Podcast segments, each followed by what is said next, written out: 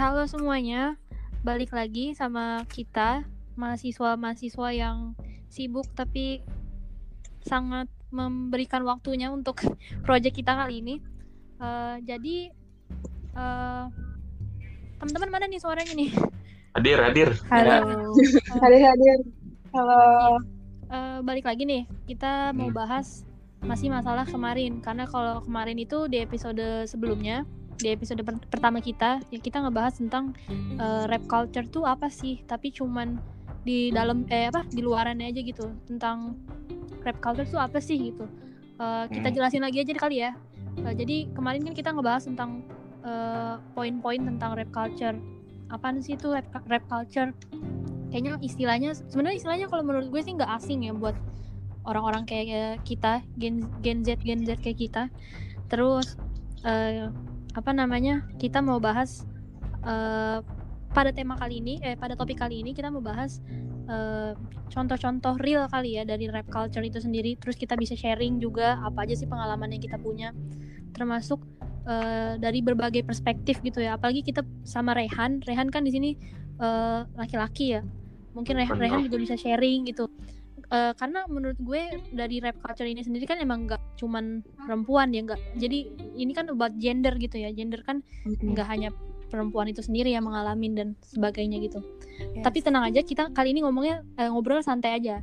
Tapi serius karena memang ini temanya tuh cukup berat dan ini bakal jadi apa ya? Ini project kecil kita aja sih buat buat gimana sih kita bisa raise uh, awareness buat teman-teman yang ngedengerin uh, listener-listener kita ini yang ngedengerin gimana caranya biar mereka sama-sama uh, apa ya paling enggak punya simpati lah sama apa namanya tema-tema kayak begini. Gitu sih guys. Langsung aja kali ya kita ngebahas uh, kalau kemarin kayaknya gue kemarin tuh kayak kita masih kurang fokus gitu ya mas rap culture. Gimana nih hmm. tentang rap culture itu sendiri nih teman-teman? Ayo ayo rap culture rap culture. Kan kalau rap culture itu kan gimana sih? Maksudnya uh, nggak bukan bukan berarti pemerko, uh, budaya pemerkosaan terus hmm. obat pemerkosaan gitu. Enggak sih tapi maksudnya tuh kayak lingkungan atau masyarakat tuh jadinya melanggengkan atau menormalisasikan kekerasan seksual pelecehan seksual. Itu tuh jadinya dianggap normal gitu dan dibenarkan.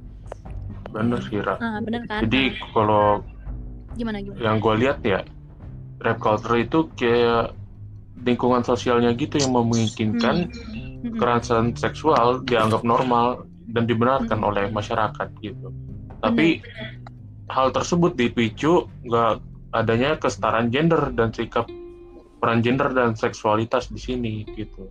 Hmm. Bener Han, karena emang rap culture ini kalau menurut gue kayak ini tuh kayak apa ya kayak udah sistemik gitu gak sih kayak udah ada gitu di mm-hmm, masyarakat yeah. tuh udah kayak ya benar ya, udah ya, memang begitu lah. terus gitu mm. uh, udah mengakar coba-coba gimana tanggapannya yang lain sebelum kita fokus ke cerita-cerita kalian ya kalau menurut definisi gue pribadi nih ya ngelihat apa nih kayak fenomena-fenomena rap culture gitu ya mm-hmm. itu tuh kayak sebuah apa ya pemikiran aja gitu kayak di masyarakat mm sebuah hmm. pelecehan itu ya dianggap biasa halah gara-gara gini gak halah cuma gitu doang gitu hmm. jadi uh, seakan-akan pelecehan itu dianggap hal sepele dan normal gitu padahal sama sekali hmm. enggak dan itu Betul. salah dan ya itu makin mem memposisikan perempuan itu semakin apa ya terpojok gitu karena terpojok. ruang geraknya dikit kalau dilecehin -hmm. yang salah jadi si korbannya sedih hmm. gitu Hmm. Menarik, menarik. Karena apa ya? Kalau di budaya-budaya di culture-culturenya masyarakat tuh tadi yang Rizka sebut bilang apa nyalain korban lah terus kekerasan seksual tuh dibenerin gitu eh apa dibenarkan gitu. Kayak ya udah gitu. Terus oh sama lagi nih uh, rap jokes ya kan? Lelucon eksplisit hmm, seksual gitu. Banyak banget nah itu itu juga lagi happening banget gak sih guys? Kayak di internet deh media sosial di Twitter, iya. cuitan Lagi TikTok ya. Hmm, apa, TikTok, nah, TikTok paling banyak sih. TikTok kan lagi happening banget nih. Twitter juga ya, kok. Hmm, Twitter apalagi? Iya. Apalagi kalau di Twitter tuh apa ya?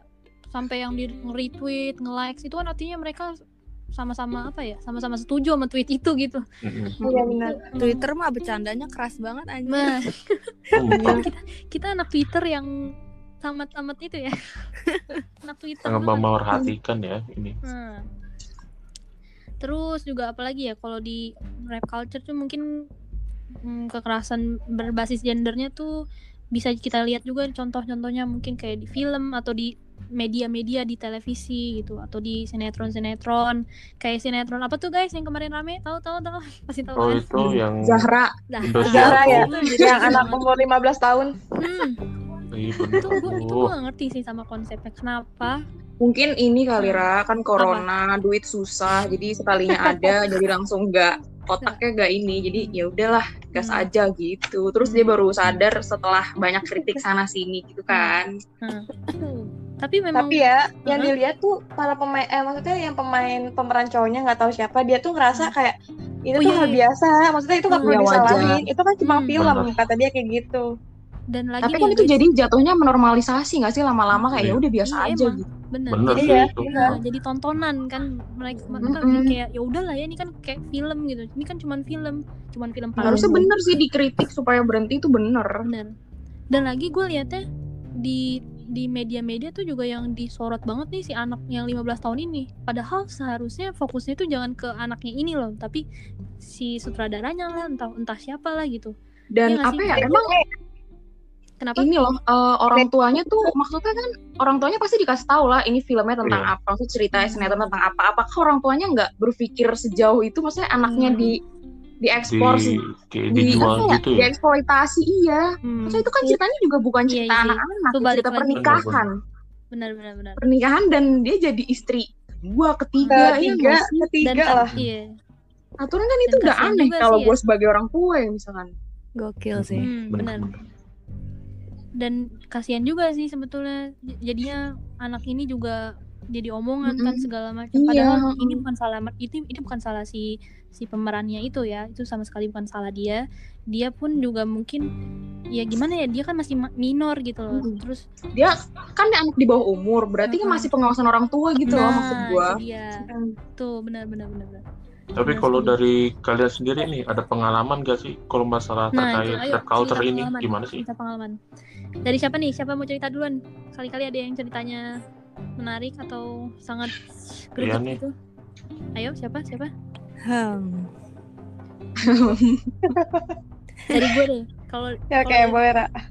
kalau dari gue mungkin lebih ke ke- cat cat cat cat cat cat calling ya. Calling. Nah, Mm. kayaknya sih umum banget sih ini kalau semuanya kalau gue dulu uh, apa ya ini ini ini ini ini true story ya. Gue pakai hoodie. Hmm. lo tau hoodie gue yang hitam kan? Yang heeh. pakai hoodie terus gue gue tuh pakai hoodiean gitu. Rambut gue ketutup gitu ya. Gue sambil jalan aja gitu.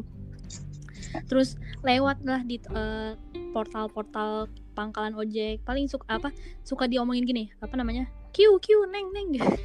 Eh, kalau gue sih sebenarnya gue nggak nggak permasalahan itu ya. Cuman gue akan ber- berpikir apakah mereka melakukan itu kepada semua orang yang lewat di situ atau kan atau hanya kepada perempuan-perempuan yang memang lewat gitu. Dan situasinya pada saat itu gue pakai hoodie gitu. Apakah mereka gue apa apa mereka tahu gue itu padahal bajunya nggak ketat ya nah itu dia.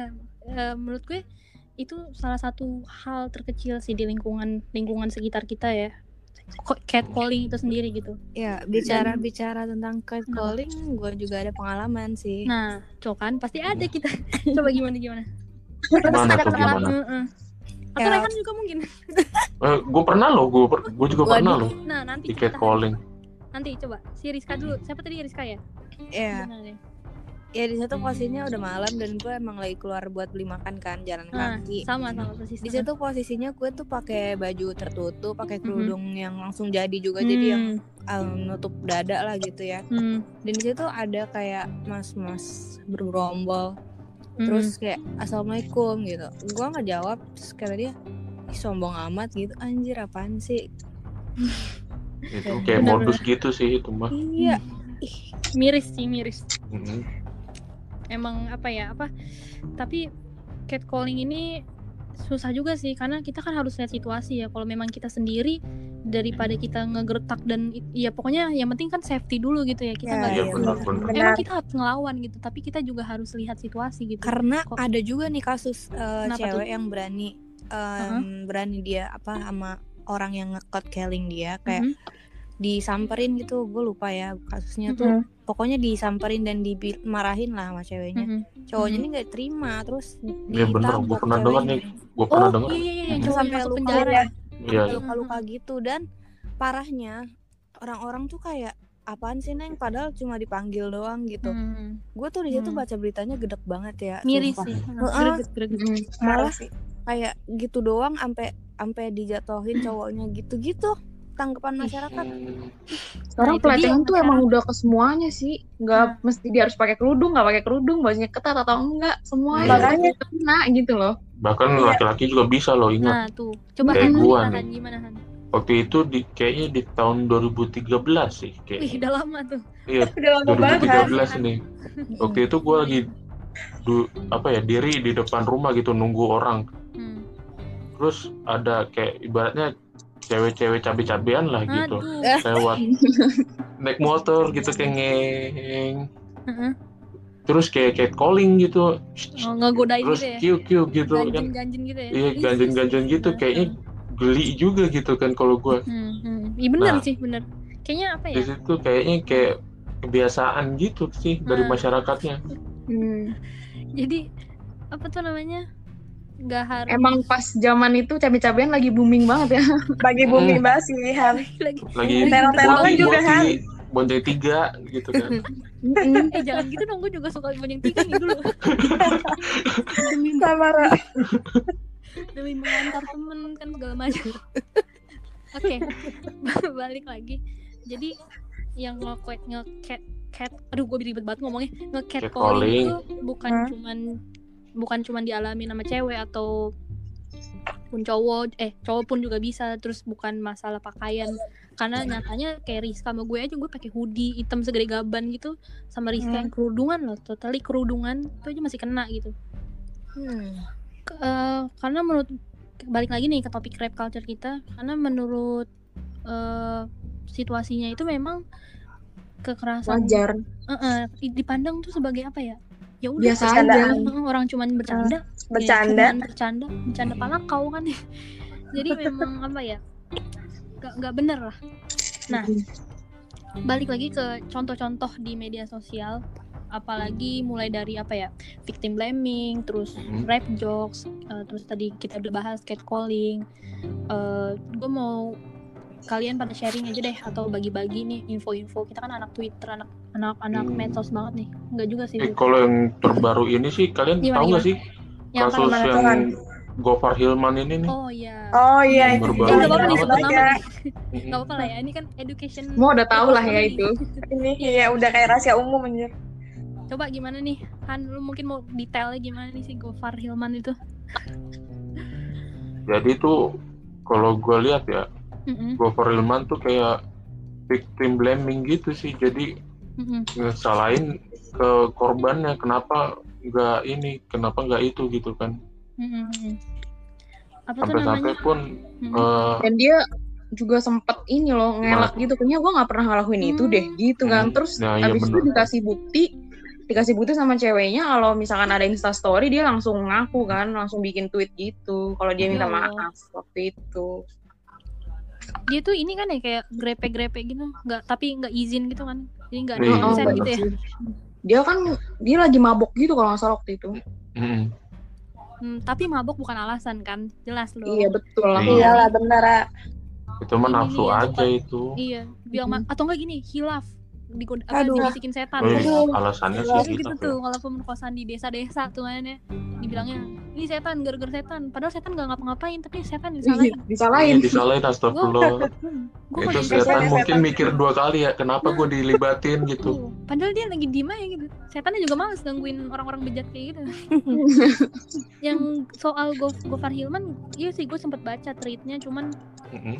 apa namanya ada satu yang bikin gue fokus juga itu tadi tweetan-tweetan netizen ada juga yang justru malah apa namanya mendukung eh, ya ngedukung si Biasa. ah si si Gofar Hmm. itu Hilman segala macem terus eh, kan ya di situasinya kalau nggak salah dibilang gini kan ya teman-temannya yang pas si Gofar itu si cowok ini ngesentuh-sentuh eh, korban Cewek itu. itu dia bilang Hmm.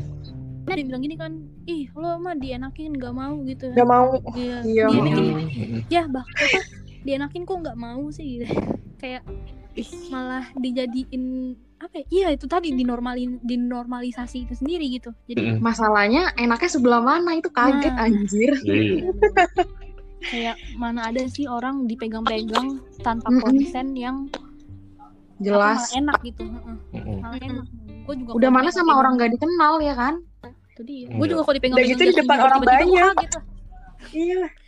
Iya makanya apa namanya jadinya pada nggak malah nggak berpihak sama si korban itu sendiri ya jadi media itu eh media teman orang-orang di sekitarnya juga apa sih namanya malah ya udah sih orang cuma nolongin. itu gua nggak kepi- nggak- malah ini sih malah kepikiran sampai situ apa sampai situ dan satu lagi yang tadi kita bahas yang netizen netizen di twitter pada belain Gofar dan nyalahin si korbannya itu sendiri Korbannya. dibilang Iya, dibilangnya gini nggak sih guys Padahal ya, kenapa Eh, buat dia ngomong aja itu kayak Nah. apa ya? Pasti kan dia harus Butuh nanggung effort. malu, semua orang tahu gitu-gitu kan. Hmm. berarti kan dia bener-bener apa ya menyiapkan diri dia sendiri tapi masih disalahin gitu. Hmm, Iya. bener-bener Kan nggak mudah ngomong gitu kan. hmm. Buktinya aja dia butuh waktu tiga tahun kalau nggak salah. 2017 apa atau kejadiannya? oh oh, oh. Susah untuk Iya. speak up-nya sih emang bener-bener kasus kayak Hmm. gini. iya sih kan kita nggak pernah tahu ya apa yang dialamin korban Iya, Kayak- traumanya itu kan. Gua Takut juga- takutnya sih dari dari korban ini dari Hmm. korban terus jadi pelaku juga nih bahaya ditekan juga gitu nih. ya, ditekan Heeh. Segala macam. Ya itu tadi sih untuk bicara di untuk berani bicara bahkan ke orang terdekat event itu keluarga lo itu juga nggak mudah sih. Ya nggak sih? Benar, benar. itu Pasti kan ada rasa malu gitu-gitu Hmm, kan. terus nyalahin diri sendiri ya kan? Ya namanya itu Iya. kan nggak pernah kita nggak pernah kita inginkan gitu tapi terjadi gitu. Benar sih benar. Nah itu sendiri yang jadi masalah ketika korban sudah susah payah cerita eh kitanya malah apa Nyalahin. disalahin makanya Mm-mm. Em, selain kasusnya Gofar mungkin kita move on dikit kali ya ngebahas itu karena memang ini masih berjalan juga kasusnya dan ya udahlah capek banget ini sama si Gofar dan yang penting kita sih apa ya the listing we can do itu adalah ngedengerin korban gitu. Jangan, ya, pokoknya kita uh-uh, kita ngedukung aja nggak sih ngapain juga gitu loh. Mendingan gue percaya sama korban gitu daripada sama si Gofar. Pelaku. Ah, Hmm. Korbannya juga udah ngasih bukti yang jelas gitu loh, Nah, Kak. tapi memang yang eh, yang paling penting adalah dengerin aja sih korbannya dan percaya gitu. Ya Iya. kan? Jelas. Benar. Lanjut lagi nih ke topik yang lain. Mungkin ada yang mau cerita kasus-kasus di media sosial yang happening sambil kita bahas bareng-bareng lagi gimana? Itu tadi suara tukang bakso ya? Aduh, ngeri juga ya malam-malam. Gue rasa Rizka ada. Soalnya Rizka di mana nih?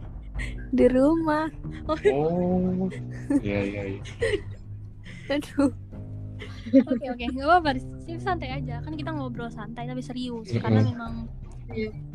Tetap harus serius lah. Ini bukan hal-hal yang harus disepelekan. Gak boleh gitu. ya nggak boleh Bener kan? Mm-mm, bener. Gimana nih cerita-cerita yang lain di media sosial kan tahu banget nih. Apalagi TikTok dong. Ayo dong TikTok. Itu loh si Oh, iya. siapa tuh Haga-Haga itu yang Wah ya harga yang apa yang dokter-dokterannya itu ya. Iya. Iya. iya Lu, Dokter- lu, lu, dokteran. lu, lu nonton Han? Kalau gua sih ya bisa-bisanya ya? viral di Twitter yang kalau gua lihat ya. Kalau udah viral di Twitter baru lihat. Mungkin teman-teman ada yang lebih ini ngikutin kasusnya gitu. Siapa Bisa tuh? Eva diceritakan nih, gitu. Eva. Eva kan anak Mm-mm. tiktokers banget gila. gimana Pak? Gimana? Haga atau si siapa tuh? Mm-mm. Yang satu lagi loh Pak. Lu tau kan Dokter yang Iqbal- Kevin. Itu? Dokter. Kevin. Nah itu dokter. Dokter Kevin juga itu tuh ya loh. kan? Oh iya dok. Oh iya dok. Eh dok. Parah oh, loh iya, itu tahu, tahu, dia. Dokter itu parah loh. Yang persalinan gimana, itu Ra, Yang gimana sih coba kasih tahu. ya dia jadiin eh, dia kan dokter persalinan gitu kan. Nah, dia tuh oh dia emang jadiin dokter. Iya, dia emang dokter. Oh, iya. Dia udah punya sertifikat pembukaan. dokter gitu.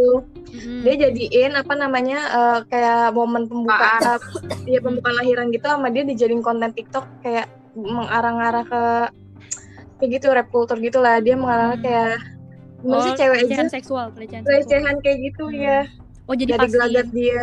Mm-mm, benar. oh, pasiennya gitu ya? Oh jadi Pasien. oh, seksualisasi pasiennya dong, ya kan? Iya, iya. Kalau cek pembukaan kan gitu kan, Ra, Oh, paham iya, iya, kan? benar, benar, benar, benar. Iya. Terus dibikin video, terus habis itu mukanya kayak muka-muka enak gitu. Muka-muka muka gitu loh, Ra. Heeh. Dan apalagi dia tuh pakai lagu disco gitu loh yang efek efek-efek pakai lampu kelap-kelip apa coba nih dokter Iya. Hmm. Terus sekarang kayak "Ih, enak gitu. Ih, Kurang ajar banget ya. Gila parah banget. Yang geleng gitu ya lagunya ya. Hmm. Iya bener-bener. ya maksudnya mikir aja ya kayak Mak itu cewek aja lagi pertaruhin nyawa masih bisa dilecehin. Enggak, itu pasien loh padahal ceritanya kan. Iya, pasien Dia juga. dokter kan? Nah, Iya dia dokter. kok malah diseksualisasi ya? Mm-mm. Itu Apalagi sih yang haga-haga itu kan yang hentak-hentak itu. Itu jijik banget sih sumpah. Iya. Gue gak pernah, gue kalau ngelihat nih, gue langsung scroll like. takut banget demi apa pun jujur, takut. Si Iqbal, Iqbal tuh juga tahu yang so, so, apa, So cakep loh. ganteng. Kesel banget gue. Tapi kalau Iqbal itu karena dia ganteng, cewek-cewek tuh kayak ngerasa Nah. oh nggak apa-apa dia ganteng jadi ya udah nggak Nah, apa-apa itu kayak dia gitu. Eh, Nah, tapi itu dia. kayaknya banyak juga yang kayak gitu ya. Iya, Iya. namanya juga dinormalisasi. Nah itu. Bilang gak apa-apa. Iqbal tuh diganteng. yang salah masuk ruang ganti itu ya? Iya, yang dia masuk ruang ganti terus pegang-pegang tanpa di videonya jadi apa pakai apa kayak Astagfirullah. haga-haga itu loh point of view point of view gitu ala-ala dilakukan Sama ini enggak sih apa kalian waktu yang pemain bulu tangkis itu yang buka baju jadi Oh, dari cewek-cewek Jojo, tuh Jojo, ya Jojo itu. Oh itu sih. bilang eh, maaf, maaf ya rahimku anget mas Rahim gitu kan. Astagfirullah ini kayak normal banget gitu kan. Udah siap dimasukin ya Allah. itu itu. Tuh Astaga. Apa sih? itu miris sih sebetulnya guys itu miris banget makanya kayak ngejual dirinya sendiri gitu Hmm. dan kalau dilihat Iya juga perempuan itu juga malah malah ngedukung juga budaya-budaya kayak gitu Mm-mm. harusnya Hmm. kita jangan harusnya kan ya jangan gitu Iya. dan iya gimana ya di komen-komen juga bilang ah nggak apa-apa ganteng kalau sama masnya Hmm. Iya. Masalahnya Kalau tuh masih banyak gitu. masih Hmm. banyak manusia-manusia double standar gitu. Hmm. bener double standar standarnya dari kanan kiri apa Riz? Hmm. gimana gimana tadi Adi ngomong kayaknya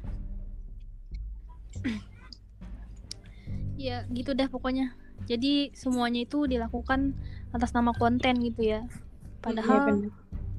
hal itu yang dianggap hiburan itu kan jadi masalah gitu gimana juga para konten creator ini nggak mikirin apa sih yang kita share itu? Apa gunanya gitu? Apakah konten hiburan ini benar-benar menghibur atau sebetulnya sebaliknya gitu? Itu juga yang salah gitu. Yes. Eh, ada lagi tuh yang di kemarin siapa yang share ya? Rizka tentang apa sih Riz? Yang di TikTok satu lagi Riz yang om om siapa? Om Hotman tuh. Eh aja sebut mana? woy. oh iya.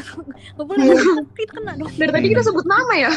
oh iya skip dulu. Tapi ini ini kayaknya fakta sih ya tapi iya for educational Mm, for eh, education aja gitu Ya jadi ada salah satu pengusaha eh pengusaha pe- pengacara terkenal lah ya.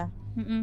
Ya di videonya itu kayak me- apa ditantang sama netizen berani nggak lo pegang eh, rambut cewek nggak dikenal gitu Hmm. diterima sama dia Mm-mm. terus dia kayak random gitu megang rambut Hmm.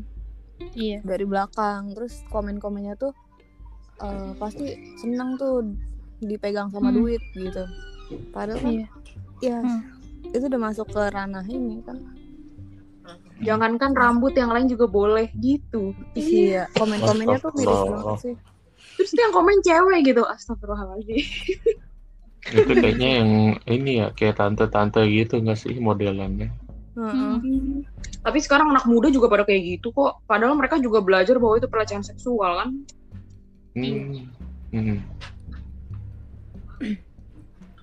Nih, bener Terus sih. sebelumnya ada lagi tahu Prince Martin kan dulu juga digituin. siapa Hmm. Prince mana? Iva Iva. Itu Prince Prince Martin yang dulu, jadi kan dia suka itu kan upload-upload foto gitu kan di IG. Nah Hmm. terus tuh sama anak-anak eh, sama anak-anak TikTok suka dibuat konten gitu di di TikTok langsung tuh cewek-cewek komen terus habis itu komennya kayak gitu irahimku anget mau dong gitu-gitu. Kan sama aja. Oh, rahimku anget. Arah ya. Menjual badannya diri sendiri ya. Mm-mm. tapi emang parah sih. Kayak apa namanya budaya-budaya normalization. Ya tar dulu guys aku jadi lupa sih habis ada tamu lupa aura. Nah nih alhamdulillah balik lagi. Nah jadi balik lagi ke rap culture ini sendiri yang udah apa namanya tertanam gitu ya dalam cara berpikir masyarakat terus tindakan mereka di dunia baik itu dunia dunia maya maupun dunia nyata gitu. Walaupun konteksnya mungkin berbeda tapi budaya permukaan ini selalu berakar sama kekuasaan ah, ini juga yang jadi masalah sih sama the, the, the control of power. Maksudnya Hmm. jadi orang-orang yang berkuasa itu yang bisa apa ya namanya yang bisa yang yang menang lah dalam hal ini. Kayak tadi kan kor yang jadi apa korban itu yang kayak kasusnya si Gofar Hilman itu jadinya korbannya yang di sini tersudutkan gitu. Karena adanya the power of power of di apa tindak tindak tindakan kuasa di dalam uh, rap culture itu sendiri. Terus juga kontrol patriarki yang tadi Rizka bilang masalah-masalah patriarki. Nah.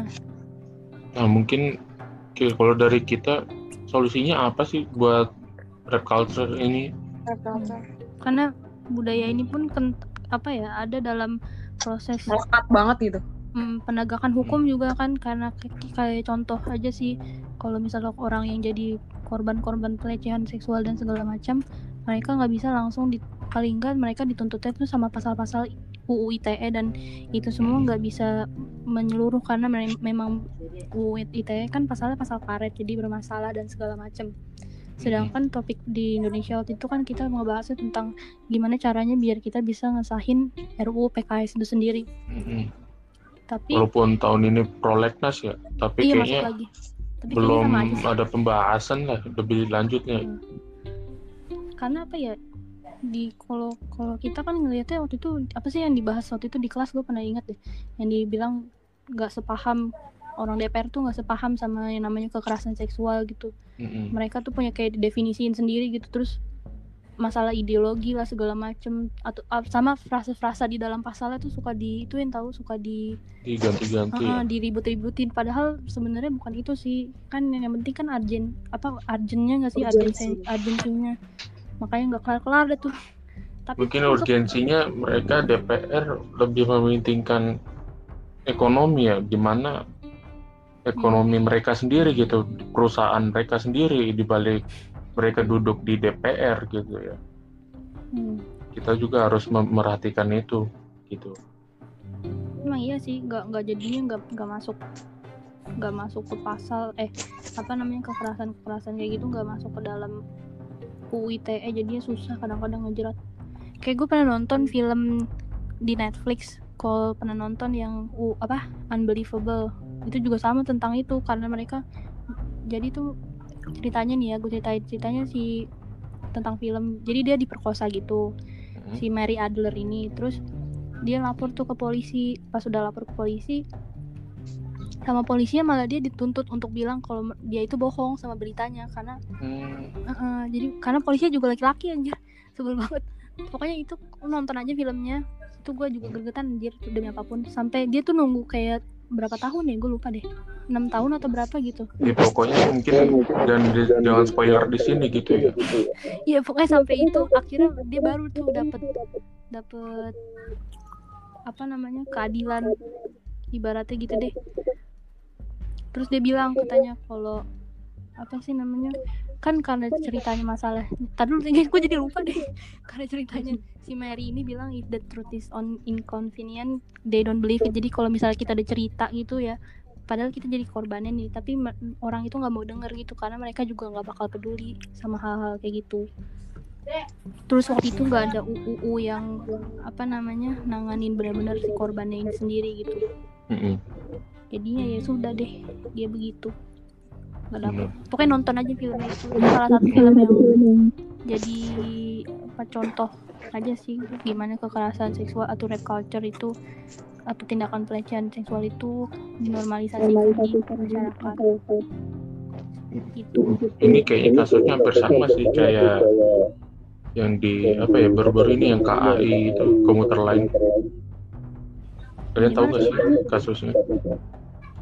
Jadi itu orang perempuan ngelaporin gitu ke KAI-nya di lewat Twitter. Terus dari pihak humas Twitternya tuh kayak gimana ya kayak nyalahin korbannya itu sendiri gitu. Hmm. bener-bener. Ini kayaknya yang cerita kita berdua doang kan yang lain pada ke mana gitu? Iya nih. Aduh yang lain ke mana sih ini? Uh, kalau nggak salah Humas itu jawab kayak gini, uh, ya itu kan bukan lo kan yang ngelakuin, kenapa jadi lo yang repot gitu deh kalau nggak salah. Hmm. Maksudnya bukan lo yang ngerasain atau apa, kenapa jadi lo yang lapor, lo yang repot gitu. Itu tuh Iya. PT KAI-nya sendiri tahu. Ada verified sih. Kayak dia Oh, salah oh. switch akun deh, lupa. Iya. Tapi jadi ke humasnya gitu langsung kan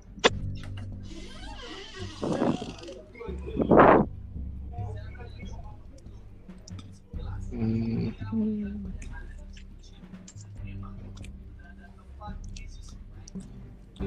Yuk guys, apa mau langsung ke solusi? Nah, jadi guys, setelah kita ngebahas mengenai uh, rap culture itu sendiri gimana terus juga kita jelasin, kita ngasih contoh-contoh mengenai uh, contoh-contoh nyata di masyarakat mengenai rap culture itu sendiri gimana budaya tersebut dilanggengkan oleh masyarakat itu sendiri. Uh, sekarang dari kita itu sendiri ini kan karena ini proyek sosial kita ya, gimana sih caranya dari kita uh, terhadap gimana sih caranya kita ngehadapin atau kasih solusi nyata gitu buat masyarakat mengenai rap culture itu sendiri gitu. Gimana coba dari teman-teman? Dulu mungkin. Yuk.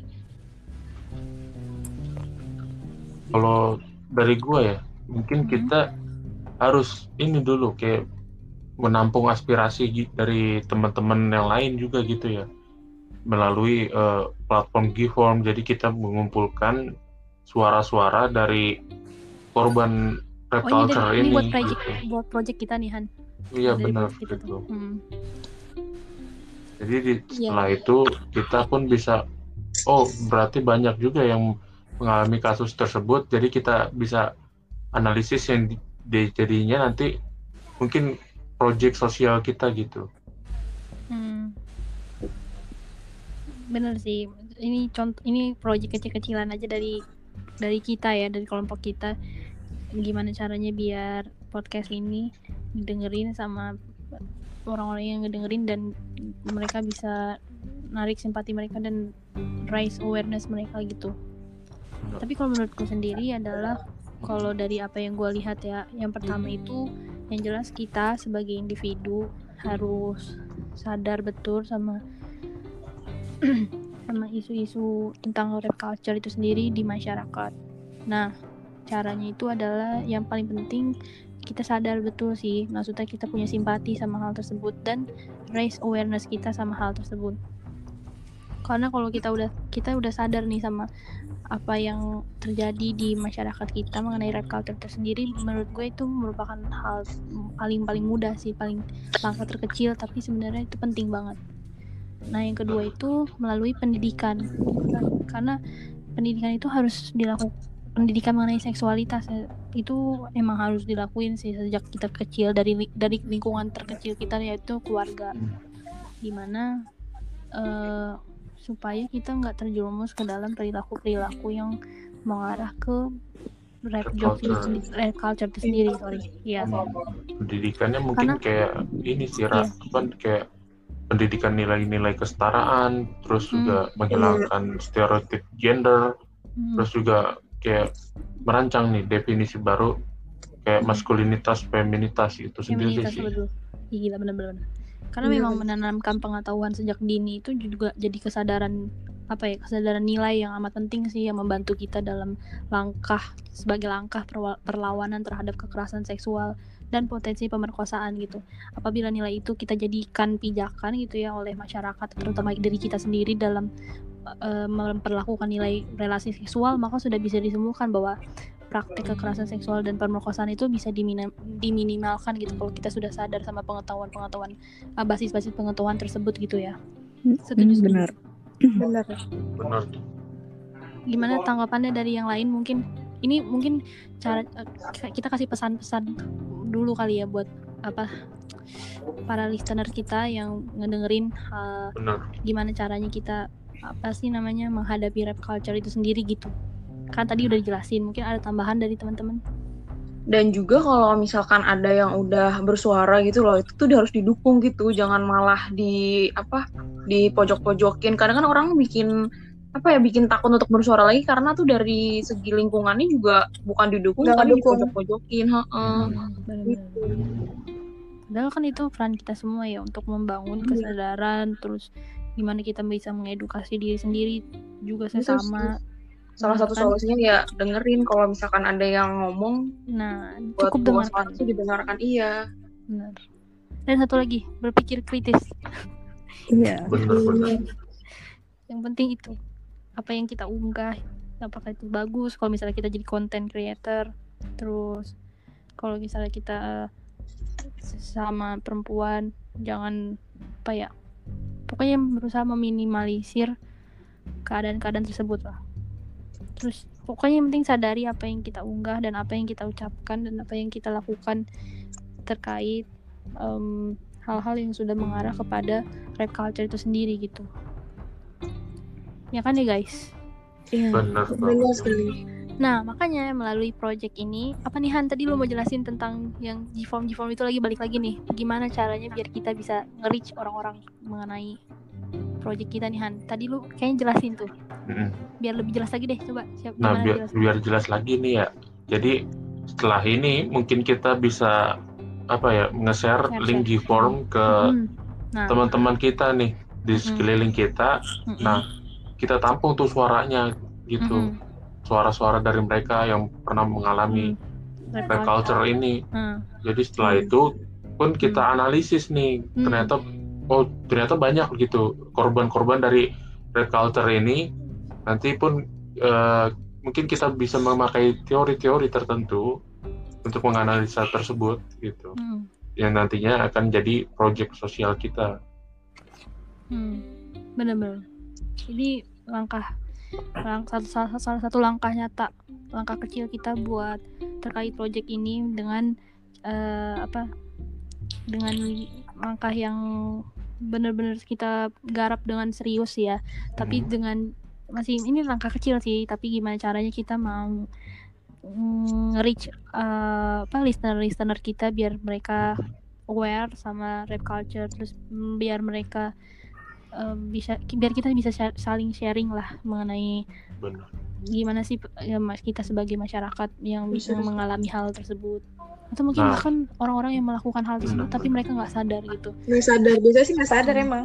Nah, makanya semoga mungkin pendengar-pendengar yang ngedengerin ini mungkin mereka salah satu di antaranya kah yang pernah melakukan hal tersebut atau mungkin yang mereka yang menjadi orang tersebut Korban. biar bisa ngedengerin benar. ini. Kalau memang mereka yang menjadi uh, salah satu korban atau penyintas gitu yang mendengarkan podcast ini, harapan kita semoga yang pertama uh, kamu kalian itu nggak nggak pernah salah gitu. Maksudnya nggak pernah sendiri dalam hal tersebut.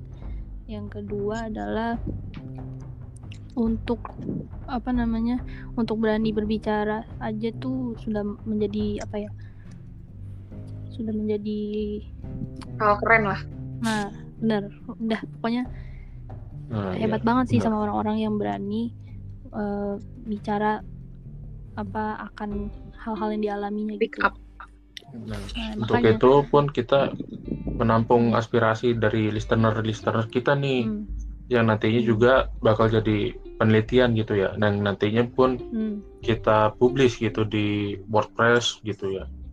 Dan nantinya Hmm. akan kita share ke ini ke teman-teman kita juga hasilnya gitu. Hmm, hmm. terus ya pokoknya melalui podcast ini biar orang-orang apa ya bisa sadar lah sama topik-topik ini yang sebenarnya topik penting tapi itu tadi dinormalisasi sama masyarakat. Benar benar itu aja sih dari kita. Kita. ada yang ingin ditambahkan mungkin? Dari gua sih cukup sih ya. Dari aku cukup juga. terus konkret. Dari aku cukup. cukup. Oke. Ya udah kita tutup aja kali ya. Tiara boleh boleh. Ngantuk agak-agak agak-agak udah mu- mu- apa mumet ya. Heeh. ini kita pembuatannya malam ya soalnya. Malam dan Hmm. agak ada rintangan-rintangan. Iya ada ada rintangan rintangan ada tukang bakso tadi kalau nggak salah lewat tuh tamu juga mati. banyak tamu. Mm-mm, Tamu tamu. sedih banget. Ya udah segitu aja dari kita teman-teman untuk para listener terima kasih banyak sudah mendengarkan. Mohon maaf kalau ada kesalahan. Yang terpenting jangan dilupakan pesan dari podcast kita kali ini. Gimana kita sebagai project langkah eh, project kecil kita untuk gimana kita mau menyadarkan masyarakat di lingkungan sekitar kita terutama mengenai eh, rap culture itu sendiri. Gitu aja. Sekian terima kasih. Jangan lupa di like di share terus di apa lagi sih kalau podcast? Kalau udah bertugas, iya itulah. Mm. di subscribe kayak terserah lah yang penting yang penting yang paling utama di share dan jangan lupa abis ini kalau kalian ngedengerin podcast ini di silakan minta tolong banget untuk eh, apa tadi? Isi G form karena itu jadi bahan penelitian kita juga. Mm, Tuh, ya kan? Gitu aja. Dari kita sekian dan terima kasih sampai berjumpa di podcast kita selanjutnya dengan tema atau isu yang bakalan lebih berat lagi. Benar. Bakalan ada. Ada kan kita sayang Senin sampai Jumat. Ya kan? Udah segitu aja. Bye bye dadah. dadah. Dadah Terima kasih semuanya. Terima kasih semuanya